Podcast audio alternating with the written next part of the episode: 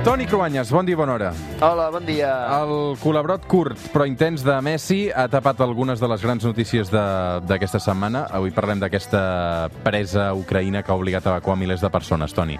Sí, la presa de Kakovka al sud-est d'Ucraïna, l'impacte humà i també mediambiental de destruir un embassament d'aquestes característiques és brutal. Això és el barri portuari de Kherson. Indústries, molls i fins a 2.000 vivendes de la ciutat estan colgades d'aigua. Així ho explicava el Cesc Reverter al Telenotícies de TV3 d'aquesta setmana. Una acció com aquesta eh, és evident que és un crim de guerra, Toni. Ara bé, és una bona estratègia militar per part de Putin, això? A veure, un crim de guerra sí, perquè contravé el Tractat de Ginebra, i veurem, eh, Putin s'ha carregat un bé de primera necessitat per ucraïnesos i per russos, però si servirà pels seus interessos ho veurem d'aquí un temps. Eh, El tema és que davant la por de la contraofensiva ucraïnesa per recuperar terreny eh, guanyat pels russos, ha decidit inundar-ho tot per impedir el pas dels tancs enemics. Home, com a estratègia de guerra podem dir que té el seu mèrit. Potser entrarà als llibres d'història com una fórmula de tàctica militar eh, molt desesperada, això sí. Avui amb el Toni Cruanyes parlem de grans estratègies de guerra. I ho fem a través de la història, com sempre. La guerra és tan vella com la humanitat, Toni. Sí, clar, malauradament, una de les especialitats humanes que ha evolucionat molt tecnològicament ha estat l'art de matar-nos els uns als altres en guerres per aprofitar l'engany de l'enemic. I el més clàssic és eh, l'engany del cavall de Troia, Toni. Eh, ja se sap, durant la guerra de Troia, els grecs d'Esparta van entrar a la fortificació de Troia per alliberar Helena, que havia estat segrestada.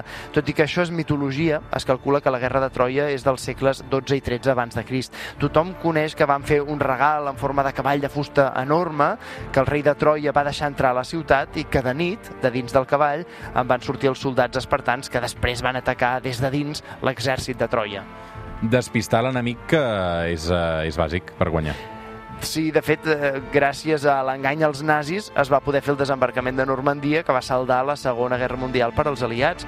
O abans, els alemanys a la Primera Guerra Mundial havien desenvolupat la Blitzkrieg, que és la utilització dels blindats de batalla, els Panzer, al costat de la infanteria, en molts atacs sorpresa, que no se sabia que es farien, i això dividien els exèrcits, els francesos, els britànics, i els incomunicava.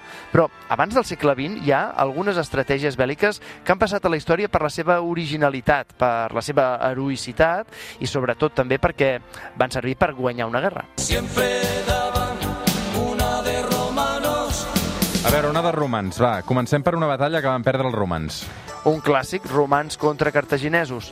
Les famoses guerres púniques que van enfrontar els dos imperis més importants de la Mediterrània als segles 2 i 3 abans de Crist. Roma controlava ja tota la península itàlica i Cartago, a l'actual Tunísia, controlava les costes de tota la ribera sud de la Mediterrània.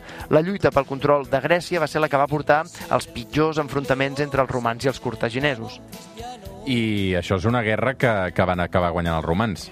Sí, però la cèlebre batalla de Canàs la va guanyar els cartaginesos amb un pla que inicialment semblava suïcida i fora del sentit comú.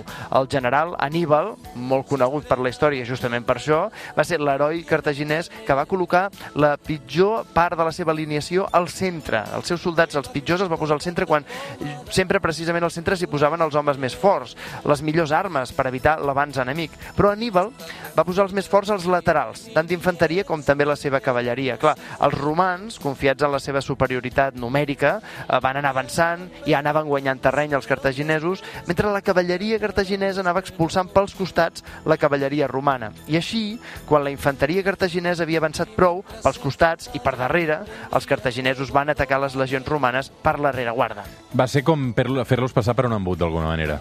Eh, sí, els romans, envoltats i sense poder rebre ajuda, es van quedar sense espai per maniobrar i durant hores els romans van poder massacrar els legionaris romans, eh, els cartaginesos, vull dir, van poder massacrar els legionaris romans que davant del pànic de no poder escapar van acabar gairebé aniquilats. Estem parlant d'un exèrcit de més de 80.000 homes.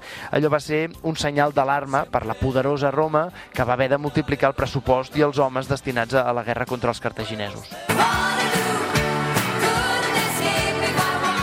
Canviem d'escenari i canviem d'època. Anem cap a una de les batalles napoleòniques més cèlebres.